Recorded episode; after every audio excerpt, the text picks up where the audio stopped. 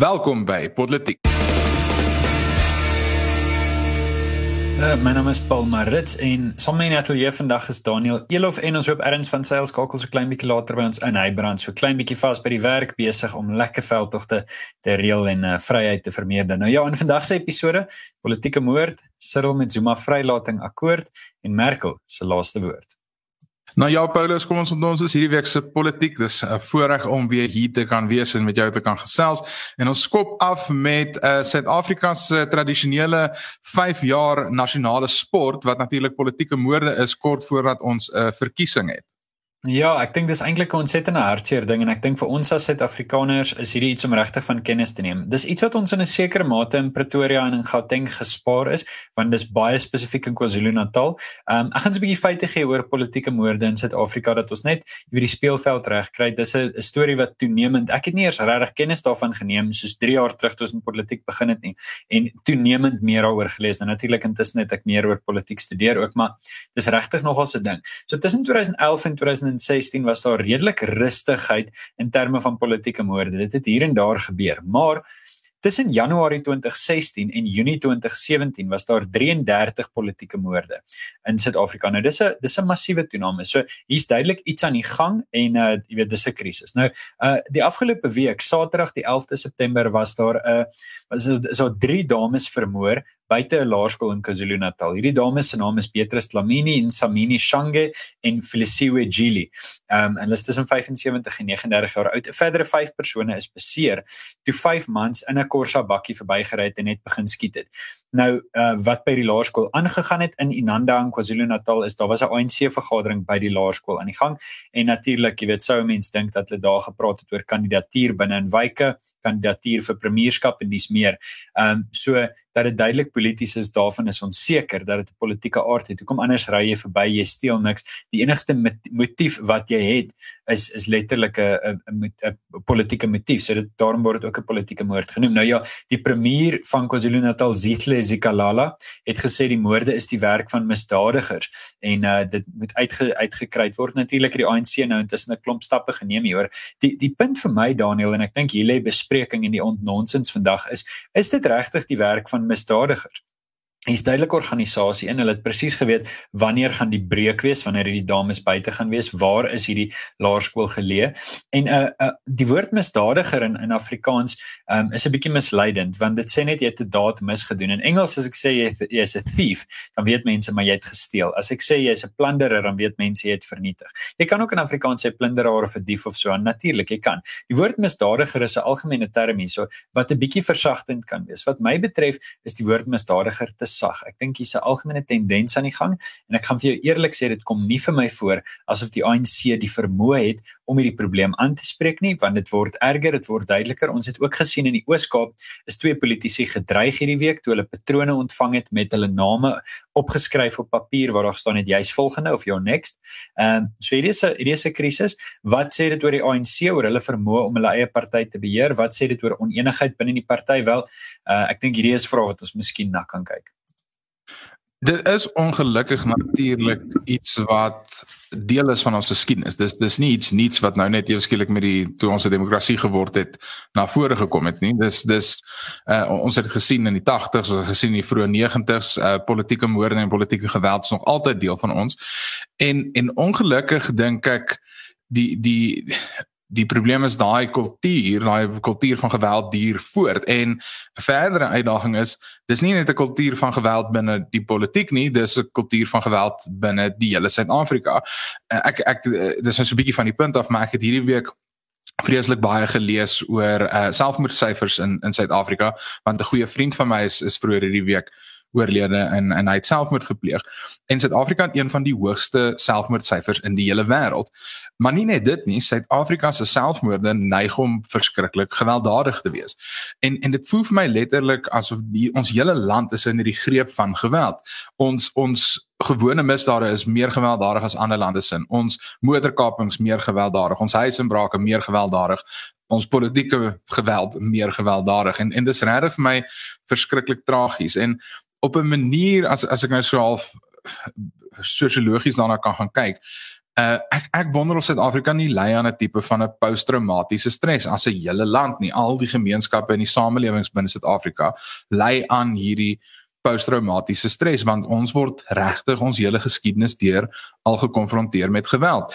En uh, hierdie is dink ek maar net nog een van van uh, die uitvloeisels van daai daai kultuur van geweld wat ons in Suid-Afrika het. Dis vir my hartseer, dis verskriklik dat ons 27 jaar in demokrasie nog steeds daarmee stoei en worstel. Uh, maar die punt is ek dink nie jy gaan dit oplos as jy ewe skielik net die po politiek oplos nie. Ek dink ons het daar's 'n baie groter uh ehm um, ek wil amper sê 'n dryf agter hierdie hele ding of 'n baie groter krag agter die hele ding as as net bietjie politieke verskille wat wat nou maar ongelukkig uh op geweld neerkom en uitspeel. So ek ek hoor jou, maar ek ek wonder tog, nê, nee, want uh, ek gaan sê hoekom. Kyk, politieke geweld is 'n ding wat soos jy sê, dit kom nog al die jare met ons. Ehm um, ek ek sou sover gaan as om te sê ek dink uh jy weet Jakob se se verraad van Esau om sy erfreg te vat was sekere tipe sin van politieke geweld. Ehm um, ons sien dat uh dat 140 voor Christus is die staan Rome het sê hulle die Tiber rivier het, het bloedrooi geloop soos wat die uh die volgelinge van ek dink Tertullianus vermoorder is ver, vermoor is. So ehm um, mense het mense het regtig die idee van politieke geweld wêreldwyd. Ek dink dis ook 'n ding wat wat selfs in Amerika en Engeland gebeur.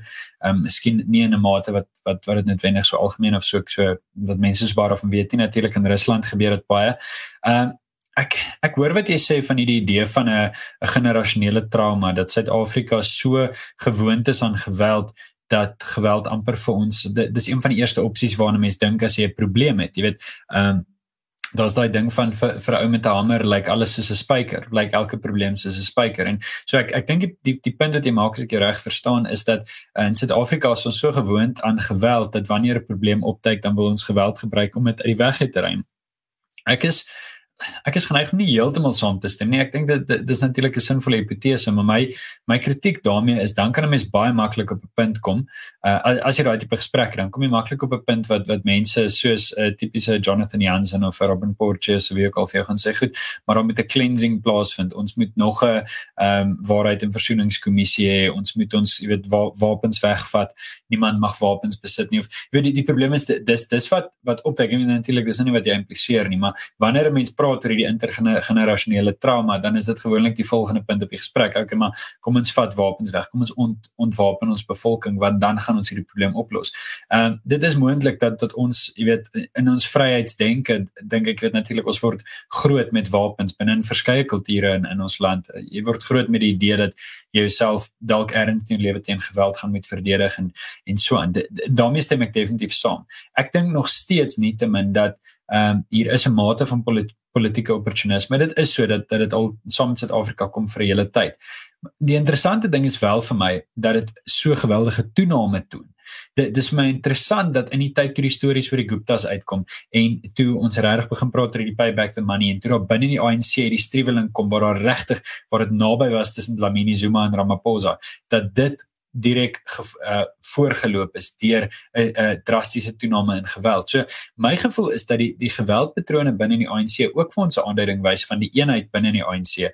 Ehm um, dat dit dalk eerder 'n simptoom is dat daar regtig binne die party self ernstige wrogings is oor wie die kandidaate is en dat daar natuurlik belange is wat tenders en kontrakte en voordele betref. Ek sê nie op punt is geldig nie, maar ek ek dink dis dis my ek sal dit eerder daai kant toe neig. Nee en, en ek ek dink nie noodwendig ons ons is besig om nie met mekaar saam te stem nie. Ek ek eh, die punt is ek stel nie voor dat ons gaan deur wat jy nou verwys het hierdie tipe van 'n 'n cleansing nie. Ek dink ons kort nog 'n waarheids- en versoeningskommissie vir die geweld nie want die punt is my argument is die geweld is deel van ons want ek dink nie net dis deel van Suid-Afrika en ek dink is deel van menswees en jy jy het reg dit uit al 'n Bybelse oogpunt ook eintlik gestaaf.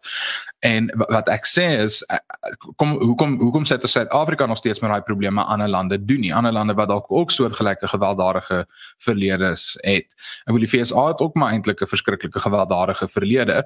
Eh, eh, en en ek wil mense kan argumenteer hulle in die laaste paar jaar ontsettende opvlamming van van geweld in die land ervaar, maar oor die algemeen dink ek as jy die tendenslyn gaan trek was daar minder van hierdie geweld in die FSA en ek dink dit kom eenvoudig daarop neer is as daar nie 'n rede is vir jou om jou geweld uit te oefen oor iets wat jy oor omgekrap is nie, dan gaan die geweld natuurlik afneem. So met ander woorde, as die ekonomiese geleenthede meer is, as daar uh, meer voorspoed in die land wees, dan sal minder rede om op een of ander manier gewelddadig te raak en en uiting te probeer gee uh, aan aan hoe omgekrap jy is. So ek dink dis dis eintlik maar die punt wat ek maak en ek dink die rede hoekom ons 27 jaar in 'n demokrasie en nog steeds sit met 'n situasie waar daar politieke geweld is, is omdat ons na 27 jaar nog nie 'n suksesvolle demokrasie en ekonomie kon bou nie. Uh, so ek dink dis dis amper is nou maar 'n bietjie verdere vleis aan my my punt kan gee.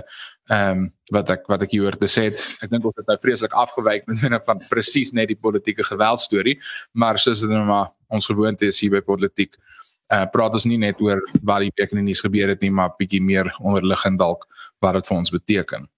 Ja, nee natuurlik. Ek dink die die kyker weet as hy wil die nuus hê, kan hy inskakel by enige van die die ek wil amper sê honderde nuus uh toepassings en webblaai wat daar is wat ons eerder gee 'n perspektief en 'n analise en miskien 'n 'n dieper, jy weet, wortel vraagstuk op dit. 'n Laaste gedagte van my af op hierdie punt is is dat uh ek ek dink regtig dat ernstige gesprekke gaan gee moet uh, gaan gaan gehou moet word oor die ANC. Natuurlik binne die ANC is dit al reeds aan die gang, maar ek dink die party se posisie na buitentoe is ernstig in gedrang. Nou, as jy gaan kyk na die, die ontwikkeling van die ANC, weet 1912 baie bepaalde mandaat 1948 verander hulle hele fokus. Hulle was hierdie soort van passiewe Gandhi geïnspireerde nie gewelddadige party en onder Sisulu en Tambo in in 49 kom daar wat hulle noem die defiance campaign en hulle begin ewe skielik met jy weet geweld oorweeg. Nelson Mandela word nader getrek um, en dan het hy sabotering. So ek is besig met 'n uh, met sy ek ek is besig met uh vir van my studies met sy toespraak wat hy uh, wat hy in 1964 uit die uh, hulle noem dit die speech speech from the docs wat hy sy verklaring gemaak het in die hof wat hy praat oor hoekom hulle sabotering gekies het bo terrorisme en jy weet hoe hy in 'n mate verdedig het hulle gedoen het. Maar wat 'n mens daarso sien is dan hoe na die laat 60s toe ewe skielik minder en minder internasionale nuus praat oor die ANC en is meer black sash en black consciousness en Steve Biko en hierdie goed begin opkom.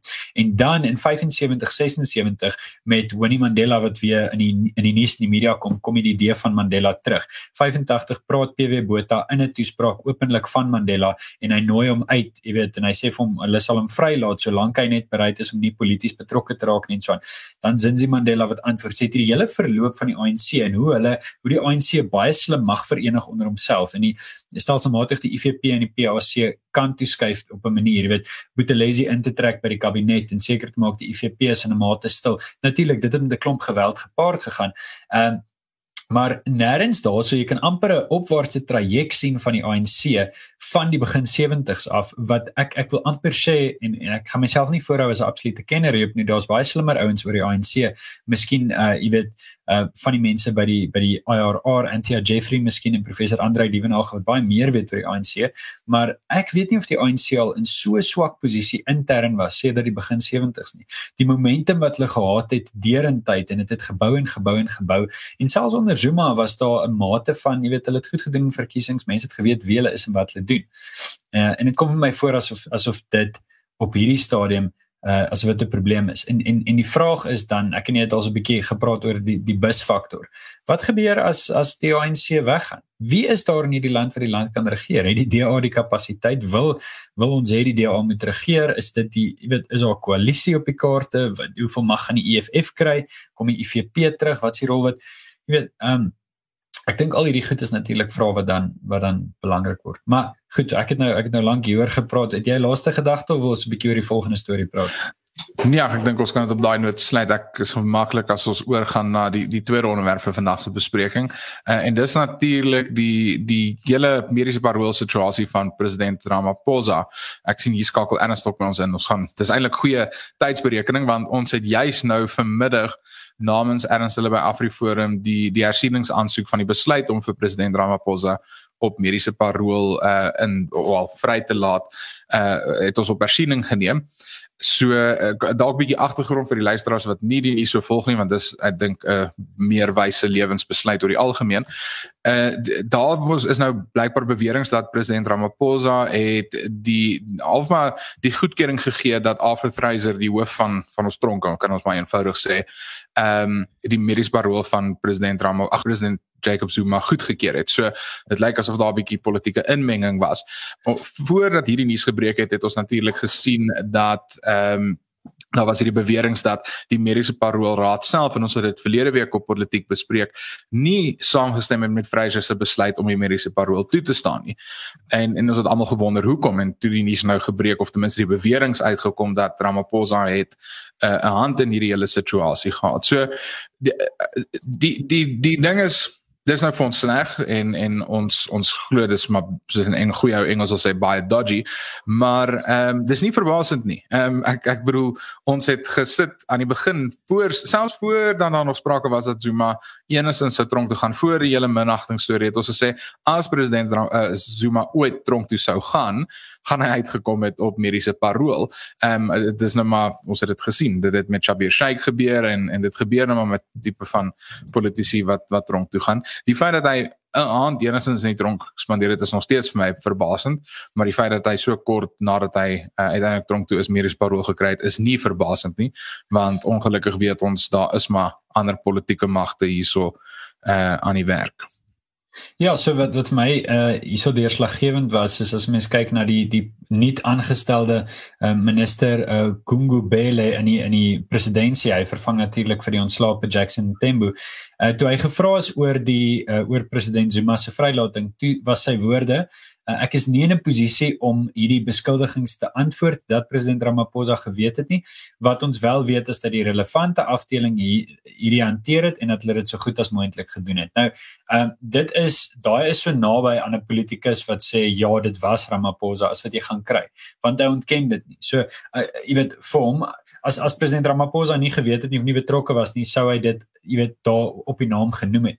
So dit jy weet dit was vir my duidelik soos daglig dat hierdie eintlik maar 'n besluit is en ek ek meen ons weet hoe werk politiek. Professor Malan skryf in sy nuutste boek hoe politiek eintlik werk en hoe sosio-politiese magte eintlik die belangrike rol speel.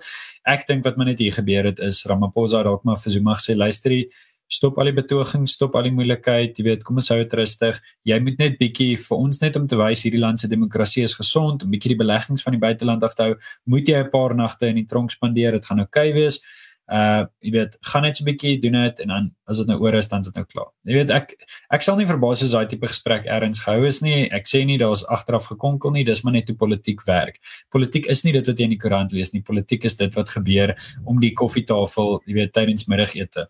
En uh, ek dink dis hoe dit gegaan het. So ja, kort en kragtig my bydra daaroor. Ja, absoluut. Uh, wat ons hierso sien is weer eens iets wat ons nou al baie op politiek eintlik sê vir ons gehoor en iets wat ons uh, eintlik herhaal tot vervelings toe. En dis die feit dat dit is 'n mite dat daar 'n goeie en 'n slegte ANC is. De, dit is maar net die ANC. Dis nie 'n uh, dat daar 'n klomp 'n paar vrot appels is en eintlik is dit maar daar's 'n paar goeie appels ook nie. Uh ons sien as dit regtig as dit begin warm raak dan uh help kaders vir kaders. En dis wat ons hierso gesien het. Die narratief wat ons gevoer word is dat daar hierdie dikotomie is tussen die RET faksie wat nou vir Zuma insluit en dan ook nou natuurlik die nuwe Daraad faksie wat vir Ramaphosa insluit. En hierdie twee faksies is nou aan die beklei en hulle speel skaak te mekaar en hulle is die groot opponente. Maar dan wanneer iemand die die hoof van die een faksie regtig die ander nodig het dan spring hy dadelik kom Cyril op sy wit perd daar aangery en hy red vir Jacob Zuma en dit wys ook maar net waar hulle lojaliteite op die einde van die dag lê. Hulle mag dalk nie ooreenstem oor 'n paar beleidskwessies nie, maar as dit kom by waar aan wie hulle lojaal is, is albei van hulle albei faksies lojaal aan die ANC. En as 'n ANC kader in die moeilikheid is, dan sal se ander kaders hom kom help. En dit is wat ons hierso sien. Ehm um, jy is 100% reg daar Paul as jy sê dat hierdie is maar 'n 'n oefening om vir die buiteland te wys dat ons is baie ernstig oor korrupsie en uh, die uh, diegene wat hulle self skuldig vind aan korrupsie maak saak hoe hoë profiel hulle is nie gaan uh, in die tronk opeindig.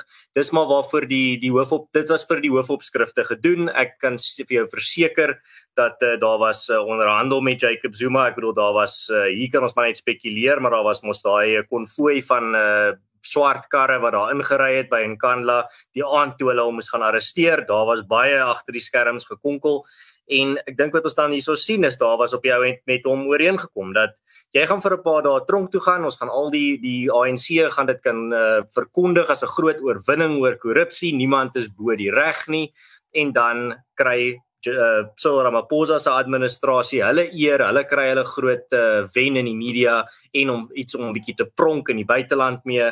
En Jacob Zuma hoef maar net so 'n paar dae in die tronk te spandeer en dan sy weer lekker rustig by die huis en dan kan sy kaders weer vir hom kom kuier daar by Nkandla en hulle kan lekker bietjie oor 'n wyntjie, bietjie lekker lag oor uh, hierdie uh absolute net skande vir vir die reg in Suid-Afrika en hierdie ehm um, eintlik maar uh plan wat hulle uitgevoer het. En dit is maar die realiteit en mense moet besef dat uh dit is die ANC. Hierdie wat jy hier sien is die ANC. Cyril is nie 'n maatjie nie. Cyril is nie 'n held nie. Hy's nie hierdie ou wat veg die goeie geveg binne in die ANC nie. Hy is een van hulle. Hy is ook 'n kader en jy kan dit sien in sy retoriek sal dalk bietjie klink asof hy nou bietjie uh, uh streng is met die die stoute kinders in die party, maar as een van daai kinders regtig in die moeilikheid is, dan sal die skoolhoof altyd vir hulle seker maak dat hulle hoef nie te lank detensie te sit.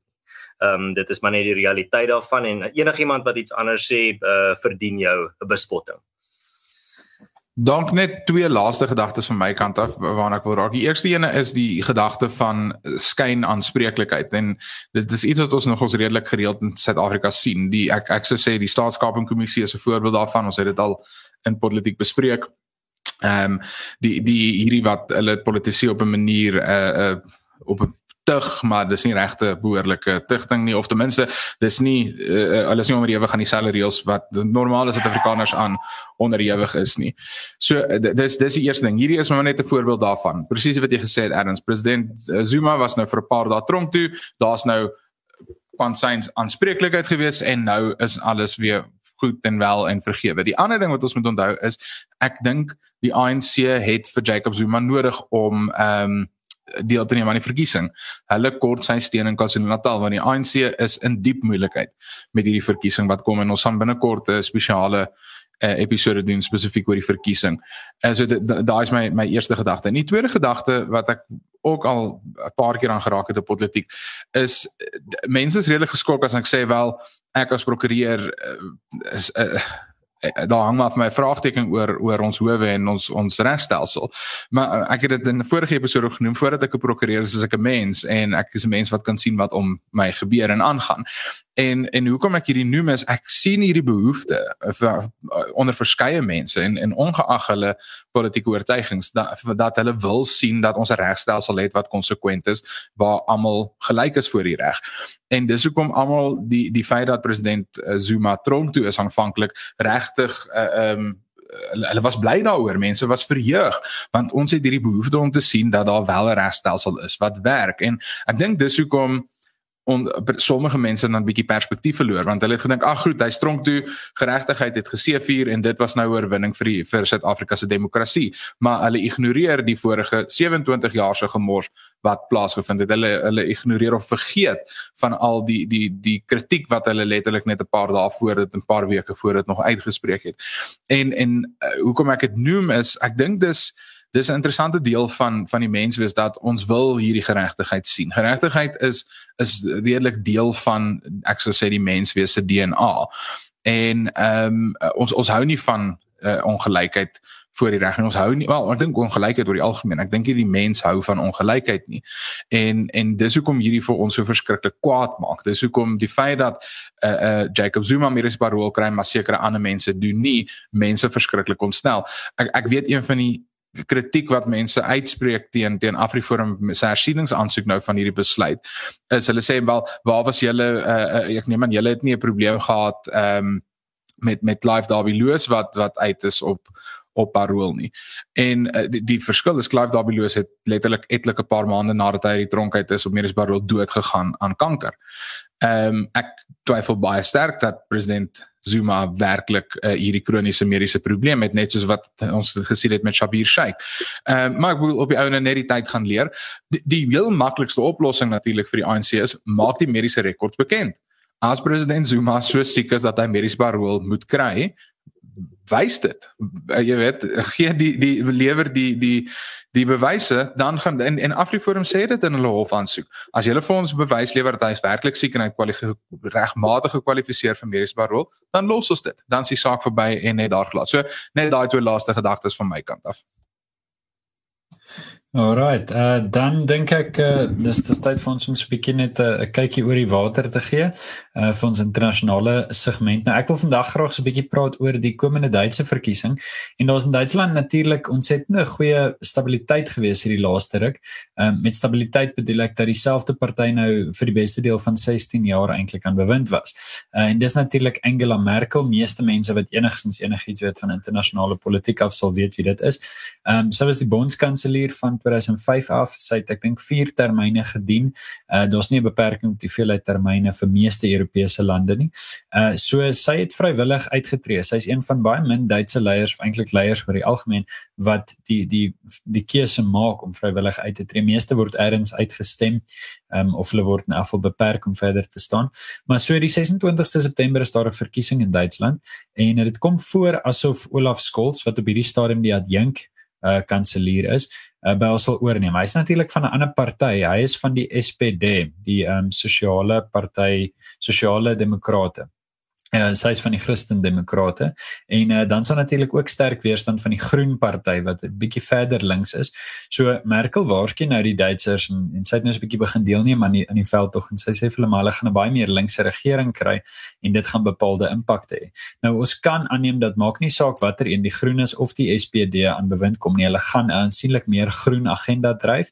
Wat dit gaan beteken vir immigrasie is moeilik om te sê. Ons sien baie keer dat linkse partye juis optree vir hulle eie arbeiders. Ehm um, soos wat miskien in, in Engeland gebeur het dat mense jy weet eintlik in in 'n sekere sin jy verwag amper van 'n linkse party om die grense oop te maak, maar dan is hulle strenger op die grense. Dis baie belangrik om te sê wat daar gaan gebeur. Die vraag is hoekom is dit belangrik vir Suid-Afrika? Wel, ten eerste want Duitsland is 'n baie belangrike bondgenoot vir ons, maar ten tweede want ehm um, Duitsland is 'n land wat in 'n sekere mate stabiliteit in in Europa handhaaf. As Duitsland onstabiel is in hierdie stadium, gaan die Europese Unie onstabiel wees. En my gedagte is dat met die opkoms van China en die opkoms van Rusland sal die FSA bondgenote nodig hê in terme van 'n meer vryheid georiënteerde wêreldbeskouing. Ek wil nie die woord demokraties of liberaal of wat ek al gebruik nie. Ek dink dit is gepas hierso nie. Maar om net te sê, ehm um, regerings wat omgee oor vryheid van spraak, regerings wat bereid is om op te staan vir basiese en algemene vryhede. En ongelukkig is my ervaring dat partye aan die linkerkant meer geneig is om te sê maar ek perk jou vryheid in, ek forceer jou om bepaalde goeders te doen. Ehm um, jy weet soos byvoorbeeld om 'n groen agenda af te druk, soos wat mense tipies van uh Octavio Cortez in Amerika sal sien. As dit Duitsland se voorland is, vermoed ek dat daar meer onstabiliteit kan wees. En verder as dit, en miskien vir julle twee ouens wat uh jy weet self een by Afriforum is, die ander een baie besig is met Afriforum se werk. My vrees is ook dat die Duitse regering aansienlik minder geneig is om vir minderheidspolitiek in Suid-Afrika te luister uh wanneer dit in aan die in die bewind van hierdie SPD en Groener party is. Nou dis maar net spekulasie. Uh, maar dit sou ietsie oor die komende Duitse verkiesing uh, en ietsie vir ons van ons kykers wat in daai tipe goed belangstel. Ja, miskien net 'n finale gedagte daarso wat mense moet onthou is wat ook al party of ideologie in beheer van Duitsland het is uh, het 'n baie groot invloed op die die idees en die zeitgeist van die die Europese kontinent. Ek bedoel Duitsland is die grootste ekonomie op die kontinent. Hulle is een van die drywers van die groter tydsgees daar.